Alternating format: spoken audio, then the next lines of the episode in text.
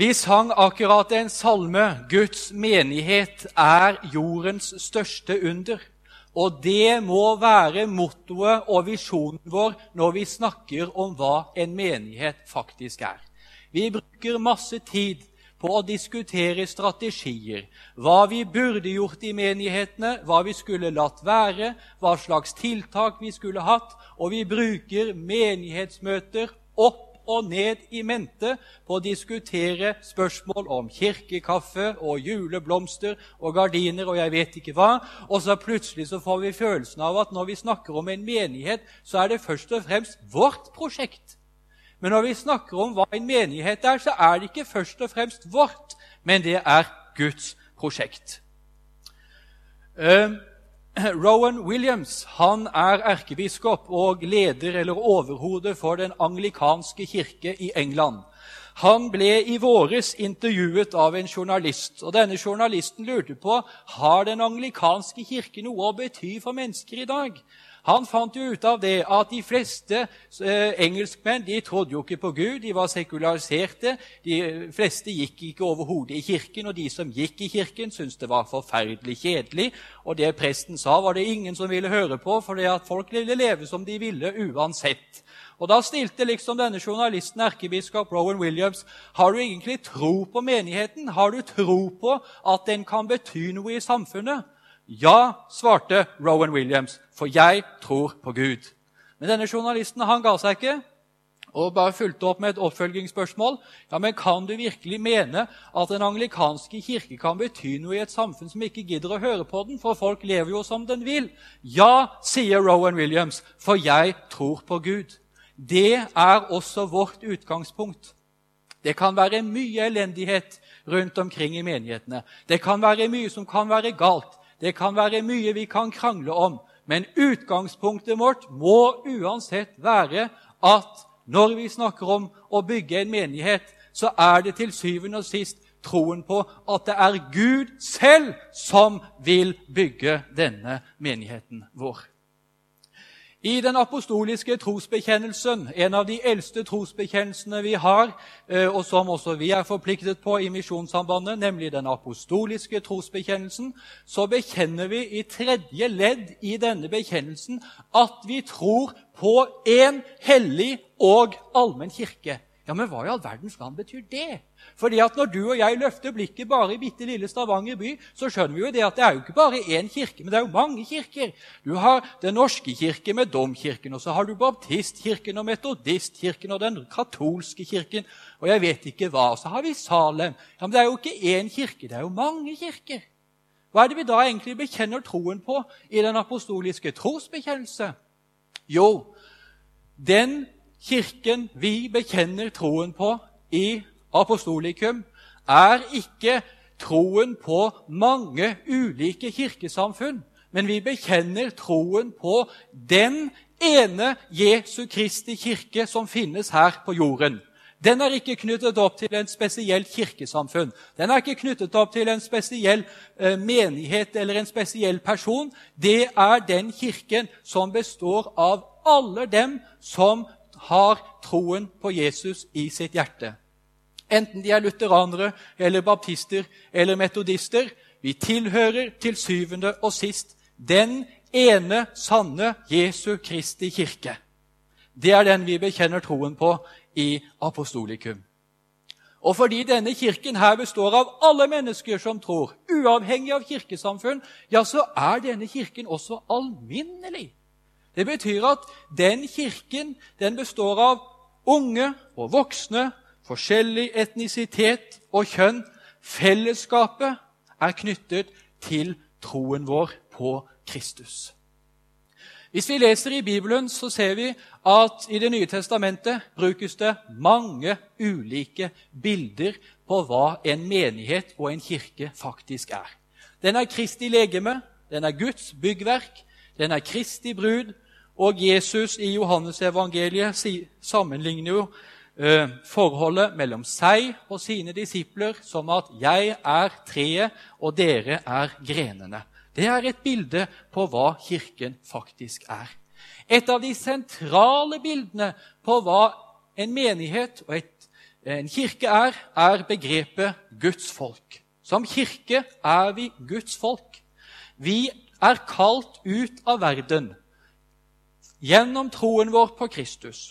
Ikke ut av verden på en sånn måte at vi slutter å leve i den. Vi lever i verden, men vi er kalt ut av den til å leve et helt spesielt liv i samfunn med ham. Det er et Guds folk som består av jøder og hedninger, menn og kvinner osv. Og, og dette gudsfolket her har eksistert helt siden Jesus Kristus grunnla sin kirke her på jorden før han reiste opp til himmelen. Menigheten eller kirken omtales også som et tempel eller et byggverk for Gud.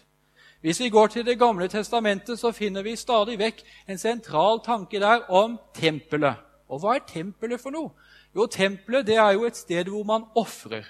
Og I Det gamle testamentet så var jo tempelet det stedet hvor Gud hadde sin bolig blant israelsfolket. Og så ser vi da at plutselig så knyttes begrepet tempel ikke lenger til en fysisk kirkebygning, men til deg og meg som troende mennesker. Kirken er Guds tempel. Efeserne 2.: Derfor er dere ikke lenger fremmede og utlendinger. Nei, dere er de helligets medborgere og Guds familie. Det er viktige begreper når vi snakker om Kirken. Helliges medborgere og Guds familie. Dere er bygd opp på apostlene og profetenes grunnvoll med Kristus Jesus selv som hjørnesteinen. Han holder hele bygningen sammen, så den i Herren vokser til ett hellig tempel. Og Da skjønner vi jo at det er jo ikke en fysisk kirke vi snakker om, men det er en kirke i åndelig forstand. Det er jo ikke sånn at Gud tar alle sine barn og putter dem oppå hverandre og får en fysisk bygning.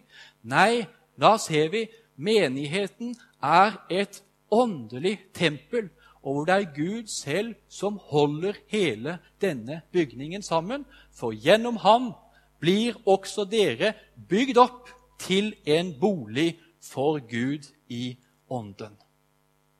Et annet viktig bilde på hva en menighet er, er uttrykket at vi er Kristi legeme eller Kristi kropp, også da i symbolsk forstand.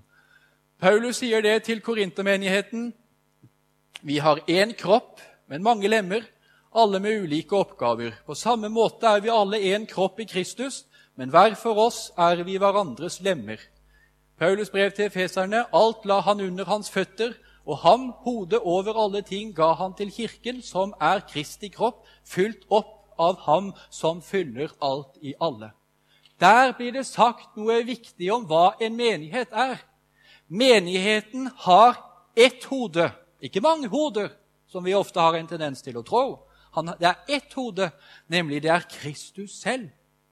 Og vi er hans lemmer. Og som lemmer har vi forskjellige oppgaver i den kirken som Gud faktisk har skapt. Noen skal være søndagsskolelærere, noen skal være sjelesørgere, noen skal være evangelister, og noen skal være predikanter. Vi er én kropp, men vi har ett hode, Kristus selv. Vi er Guds familie, sier Paulus stadig vekk i sine brev. Og Det skulle vi jo kanskje ikke tro, sånn som vi ofte behandler hverandre rundt omkring i våre forsamlinger. Og Jeg behandlet mine foreldre på samme måte som jeg av og til har en tendens til å gjøre når vi sitter på menighetsrådsmøter. Så kunne i hvert fall min familie for å si det på den måten, blitt betraktet som særdeles dysfunksjonell. For man snakker ikke til hverandre på den måten. Men Det kan vi av og til ha en tendens til å gjøre i menigheten. Men faktum er at Paulus sier vi er en Guds familie. Vi er søsken. Vi har fått gjennom troen vår en ny status. Vi er en familie. Romerne 12,10.: Elsk hverandre inderlig som søsken. Sett de andre høyere enn dere selv. En fantastisk utfordring for oss når vi skal snakke om hva en menighet faktisk er. Så la oss gjøre godt mot alle så lenge det er tid, og mest mot dem som er vår familie i troen, altså dere og meg. Vi er en familie.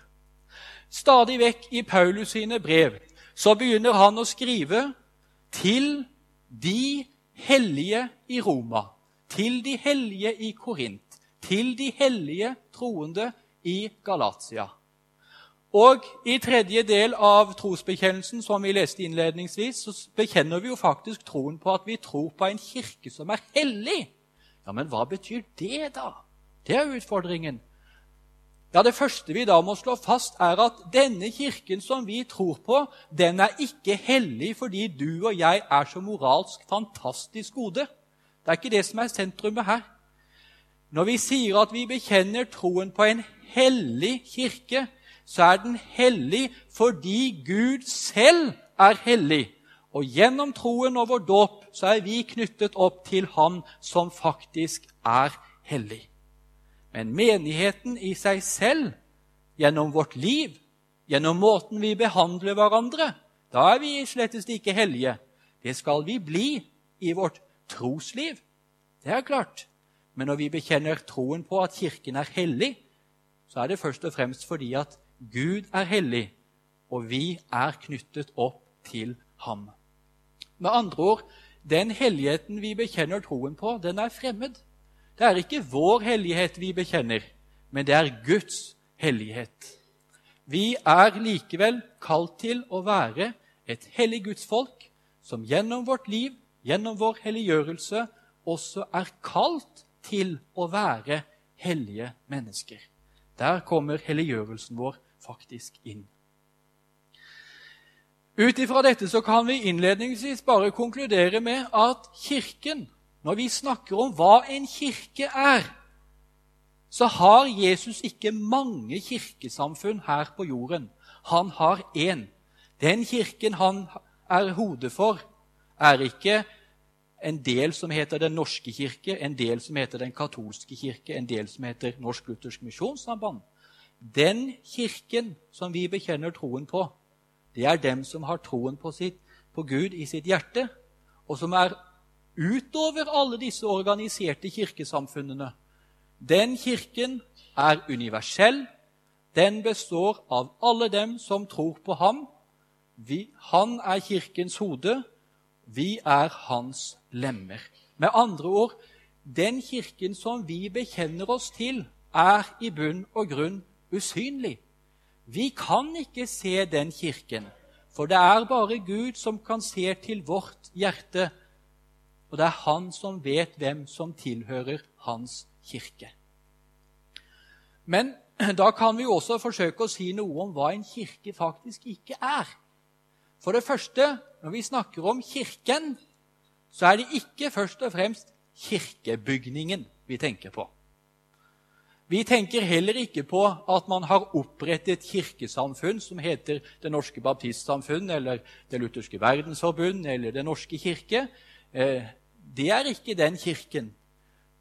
Organiserte kirkesamfunn er heller ikke Kirken i egentlig forstand og dens embetspersoner, altså når det trer mennesker frem, enten det er en biskop eller en generalsekretær i Norsk Luthersk Misjonssamband, så er ikke han Kirken i seg selv, for det er vi i kraft av vår tro som faktisk er Kirken. Kirken består nemlig av mennesker. Mennesker som tror på Gud og det sentrale aspektet når vi skal snakke om hva en menighet faktisk er, da kan vi ta utgangspunkt i Matteus 18, vers 20. Der sier Jesus som et løfte til deg og meg Der hvor to eller tre er samlet i mitt navn, der er jeg midt iblant dere. Det er menigheten. Der hvor det kommer mennesker sammen, ikke i hvilket som helst navn, men i hans navn, der er Kirken. Det kan skje her. Det kan skje på Torvet nede i Stavanger sentrum. Det kan skje i, en, i et eh, hus, i et hjem utenfor byen. Der hvor mennesker kommer sammen i hans navn, så har de hans løfte om at han er der. Det er menigheten. Hadde vi kommet sammen i hvilket som helst annet navn, eller vi hadde kommet sammen i regi av Norges Bondelag, eller jeg vet ikke jeg hva som er populært her på distriktet Så er ikke det nødvendigvis en kirke.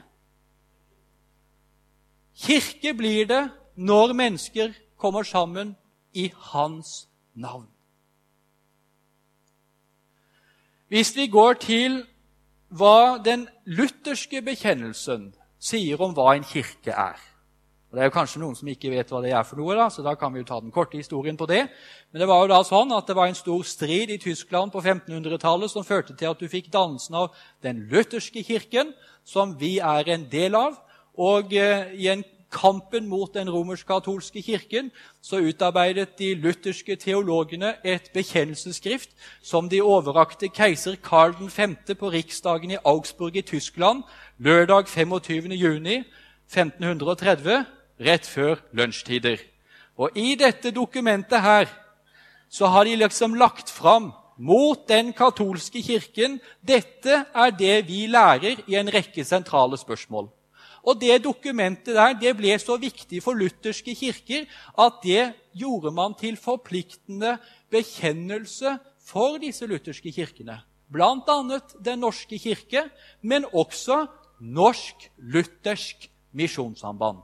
Altså eh, den augsburgske bekjennelse, eller confessio augustana, som vi kaller den, den er med andre ord forpliktende for oss som sitter her inne og skal forkynne fra prekestolen her.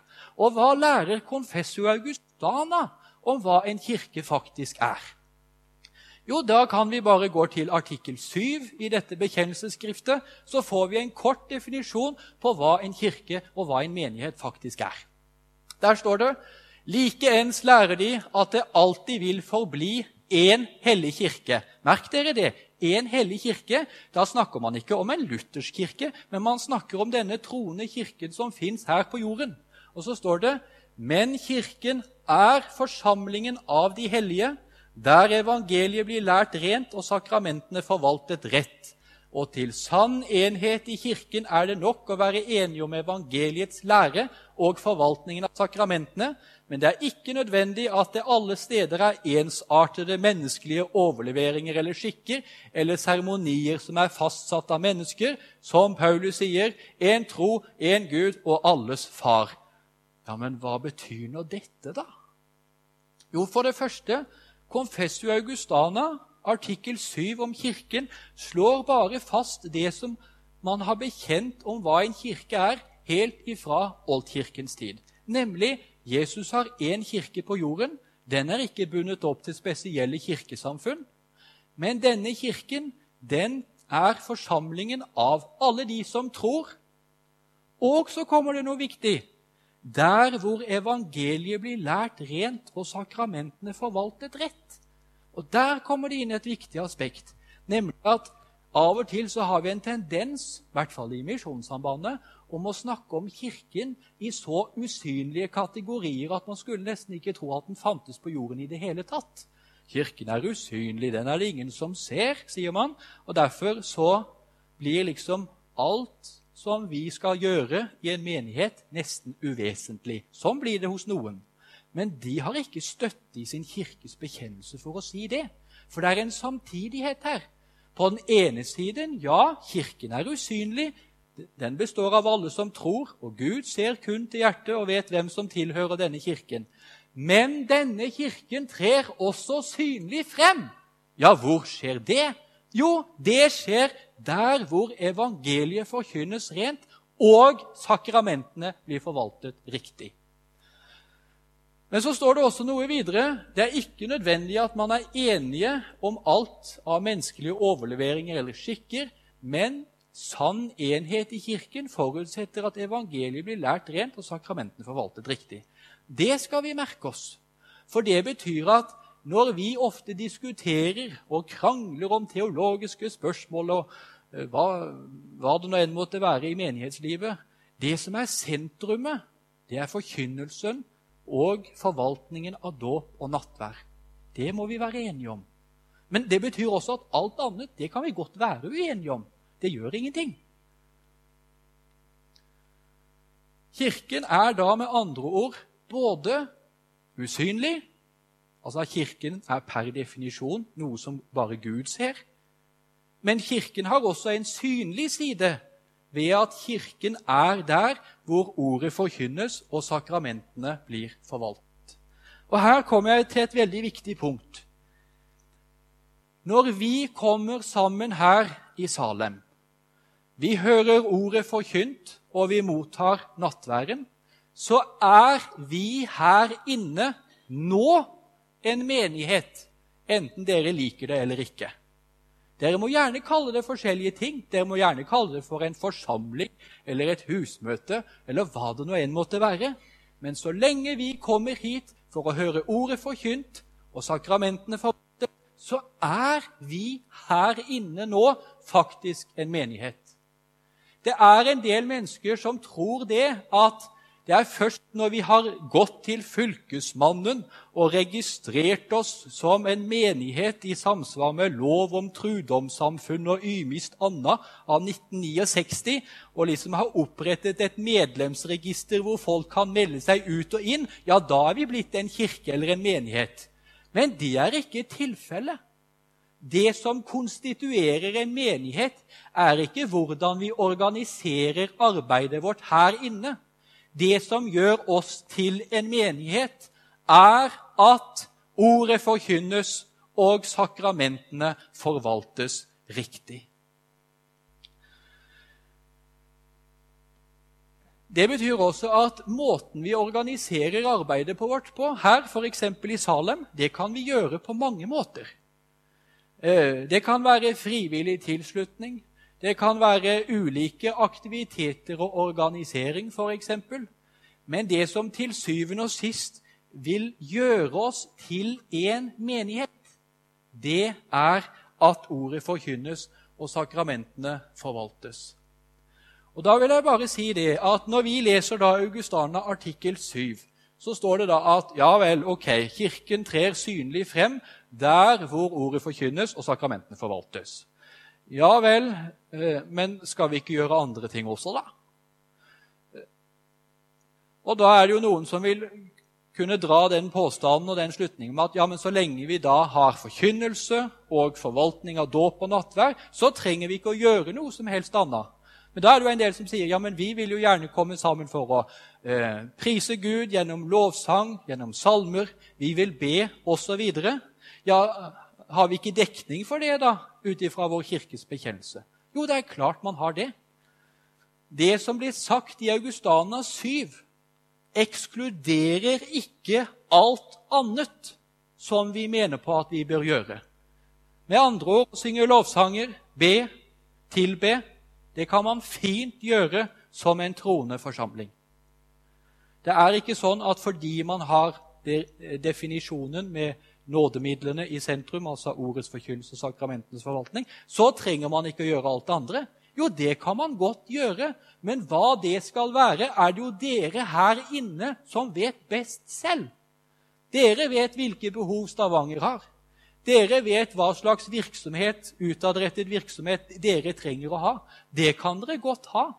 Det vil aldri være i strid med Kirkens bekjennelse om hva Kirken er til syvende og sist. Denne menigheten som kommer sammen for å feire ordet og motta sakramentene, det er et fellesskap av troende mennesker som i kraft av sin dåp og sin tro får nådegaver. Og Det betyr også at en menighet er et fellesskap av mennesker med ulike nådegaver. Disse nådegavene som Gud gir, de skal være med på å utruste den menigheten som vi faktisk går i. Vi skal gjennom den nådegaven vi får, oppbygge, belære, tale til trøst og oppmuntring til våre menighetsmedlemmer. Med andre ord det som skjer i en menighets aktive liv, det baserer seg på at hver enkelt av oss får en nådegave ifra Gud. Når vi leser Det nye testamentet, så finner vi mange sånne nådegaver. Noen skal være evangelister, noen skal undervise, noen skal drive med sjelesorg, noen skal drive med bibelopplæring. Hva er din nådegave? Og hva bruker du den til i forhold til å oppbygge og utruste menigheten? Det er jo en del som har den eh, teorien om at en nådegave er noe jeg har for meg selv. Noe jeg bruker for meg sjøl i mitt personlige liv. Men det har man ingen støtte for i Paulusbreven til å kunne si. For en nådegave får man med en hensikt, nemlig den skal tjene og oppbygge det kristne fellesskapet. Derfor får man nådegaver. Gjennom Ånden Gud gir alle sine troende Den hellige ånd. Gjennom Den hellige ånd har vi alle adgang til Gud. Det betyr at alle troende er likestilte fremfor Gud. Men Gud gir forskjellige nådegaver fordi han ser at behovene kan være forskjellige i de ulike menighetene. Gud gir visdom og nådegaver etter de behov vi har. Siktemålet er menighetens felles oppbyggelse. Det er både en utrustning og en tjeneste. Paulus sier det i første kår. Når det gjelder Åndens gaver, søsken, vil jeg at dere skal ha kunnskap om dem. Dere vet at da dere var hedninger, ble dere viljeløst drevet med til de stumme avgudene. Derfor kunngjør jeg for dere at ingen som taler i Guds ånd, sier 'forbannet av Jesus', og ingen kan si 'Jesus er Herre' uten i Den hellige ånd. Det er forskjellige nådegaver Gud utruster oss forskjellig, men ånden er den samme. Det er eh, forskjellige tjenester, men Herren er den samme. Det er forskjellige kraftige virkninger, men Gud er den samme, Han som er virksom og gjør alt i alle. Hos, hos hver enkelt gir Ånden seg til kjenne, slik at det tjener til det gode. For ved én og samme ånd blir det gitt én å tale visdom, en annen å formidle kunnskap, en får ved den ene ånd en spesiell trosgave, en annen får nådegaver til å helbrede, og en får kraft til å gjøre under. En får den gave å tale profetisk, en annen å bedømme ånder, en får ulikt slag av tungetale, og en annen kan tyde tungetale. Alt dette gjør den ene og samme ånd, som deler ut sine gaver til hver enkelt slik han vil. Gud utruster oss forskjellig. Gjennom troen er vi likeverdige fremfor Gud. Ånden er den samme, men Gud utruster menigheten sin på forskjellige måter. Det fellesskapet som vi er her inne, kommer sammen for å få høre ordet forkynt og sakramentene forvaltet. Men vi som kommer hit, har også et oppdrag. Vi har et oppdrag som en menighet. Det oppdraget kan vi kalle for at er et misjonalt fellesskap, og vi er et diakonalt fellesskap. Hva betyr det? Jo, for det første Gud vil jo at hans menighet skal vokse.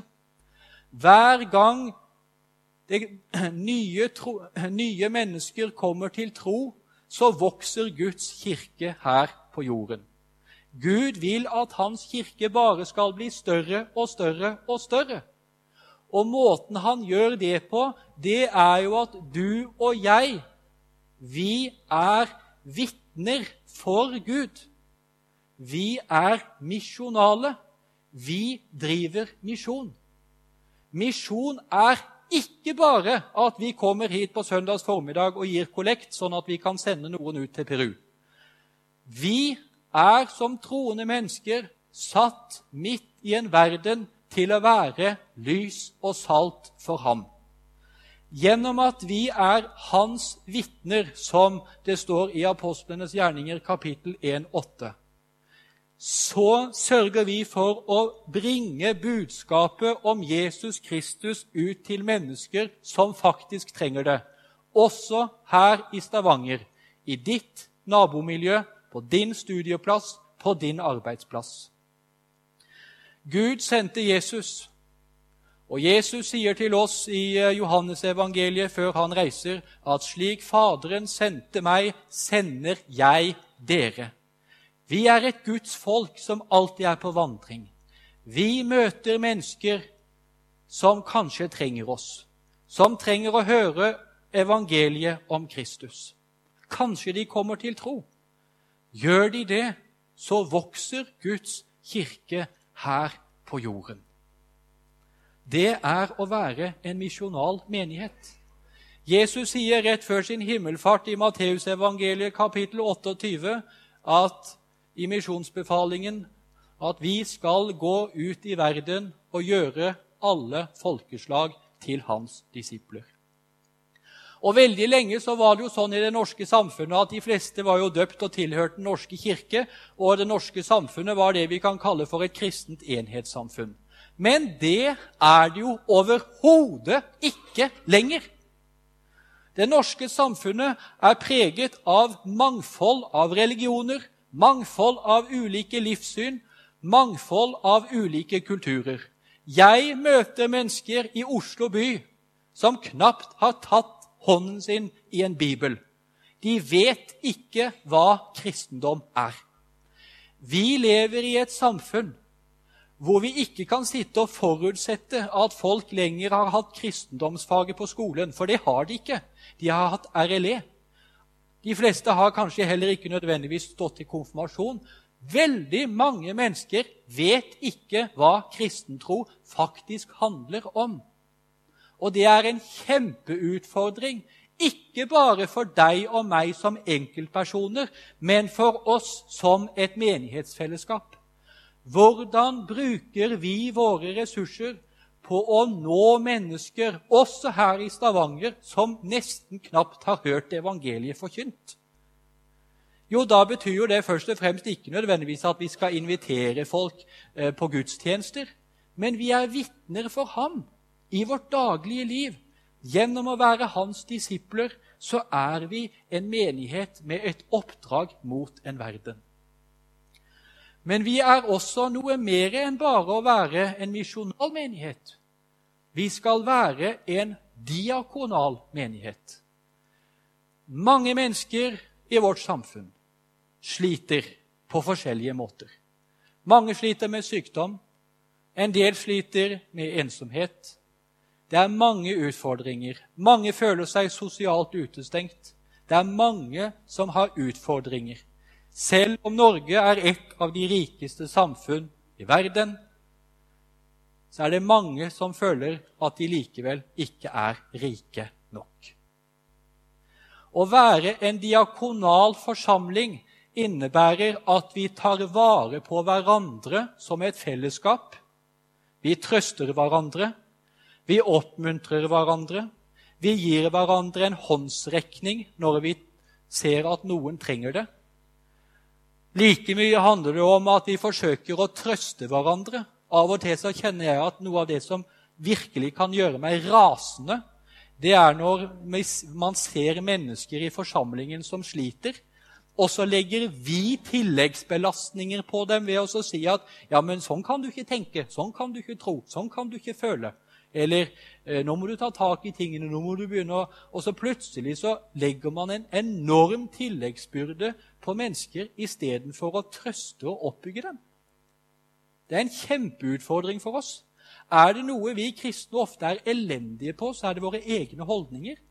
Vi er fantastisk flinke mange ganger til å stå på prekestolen og snakke om hvor elendig det er ute i verden, og hvor verden kommer til å gå ad undas hvis ikke liksom folk begynner å leve et skikkelig liv og ta seg sammen og hva det enn måtte være. Det er så mye moral, forfall osv. ute i verden. Ja, men hva med oss, da? Når skal vi begynne å peke på oss sjøl? Hvordan behandler vi hverandre? Ofte så rakker vi ned på hverandre.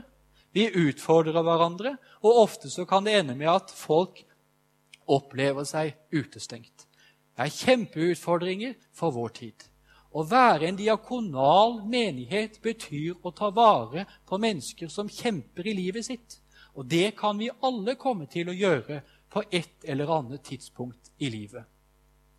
Diakoni kan være mange ting. Det kan være eh, retta mot eldre, mot syke, mot barn. Mot mennesker som er utsatte, rusmisbrukere, hva det nå enn måtte være. Det kan være sosiale tiltak eh, på ulik måte. Å være diakonal krever en kreativitet. Hvilke utfordringer er det her i Stavanger som vi har lyst å gi et bidrag til. En menighet er et diakonalt fellesskap som kort og godt utfører omsorg mot hverandre, mot verden, i Jesu navn. I morgen skal jeg snakke litt om forholdet mellom rettferdiggjørelse og helliggjørelse på formiddagsmøtet, så jeg skal ikke si så mye om det nå. Men det er av og til at det er noen, spesielt lutheranere, som har den tanken om at ja, hvis Gud frelser oss ved nåden alene, så betyr det jo ikke om eh, jeg lever et godt og riktig liv. Og Det er det jeg kaller for en uluthersk kortslutning. Det er overhodet ikke tilfellet, og Luther, eller de lutherske kirkefedre, har aldri ment det på den måten. Nei, faktisk så understreker vår kirkes bekjennelse at gode gjerninger er nødvendige. Gode gjerninger er nødvendige. Men gode gjerninger er først og fremst ikke gjerninger som du gir til Gud. For Gud trenger ikke dine gode gjerninger, for han har frelst deg av nåden alene. han. De som trenger dine gode gjerninger, er de neste. Det kan være din nabo, det kan være dine naboers barn, det kan være noen her i forsamlingen som trenger at du gir dem en håndsrekning. Det er gode gjerninger. Det er nødvendige gjerninger etter vår kirkes bekjennelse.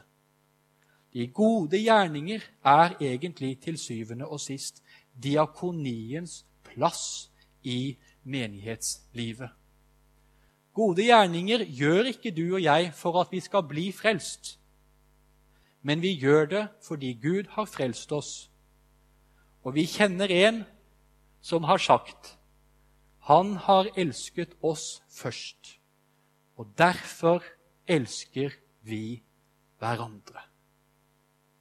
Det er det kristne livet. Det er måten vi behandler hverandre på. Ikke ved å se ned på hverandre, snakke dritt om hverandre, men først og fremst ved å oppmuntre og trøste, sørge for at mennesker blir bevart i troen, og mennesker kommer til troen gjennom mitt daglige vitnesbyrd midt i livet, der jeg bor, om Ham som har frelst meg. En menighet for vår tid, hva er det? Jo, det er et fellesskap av troende mennesker som kommer sammen for å høre ordet forkynt og få sakramentene, dåp og nattverd. Det er en menighet som kan være organisert på mange forskjellige måter. Den kan være styrt av biskoper eller av pastorer eller hva det nå enn måtte være. Det er mange tjenester i den menigheten, men enheten, det som holder oss sammen, det er troen på Kristi frelsesgjerning ved evangeliet. Vi er en menighet som er et levende fellesskap, som kommer sammen for å takke Gud for alt det Han har gjort for oss, for å lovprise Hans navn. Og vi er da et fellesskap som kommer inn her for å styrkes i troen gjennom ordets forkynnelse, og så går vi ut i verden for å være Hans vitner og for å hjelpe mennesker som trenger oss. Og på den måten så er vi en menighet som er både diakonal og misjonal. Fordi Han elsket oss først, så elsker vi hverandre. Men ikke bare fordi vi sitter her inne og alt er kommet i orden med oss. Men vi elsker også verden fordi Gud elsker verden og vil at alle mennesker skal bli en del av Hans ene kirke her på jorden, og således høre ham til. La oss be.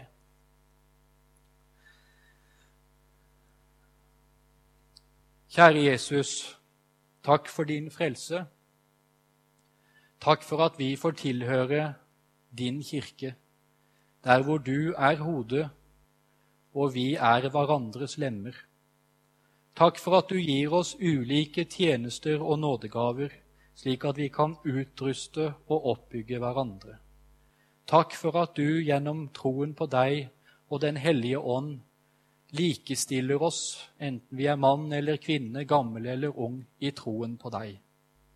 Og så ber vi deg om at vi må få være en menighet hvor vi kan støtte og oppbygge hverandre og være noe for en verden som trenger oss. I Jesu navn. Amen.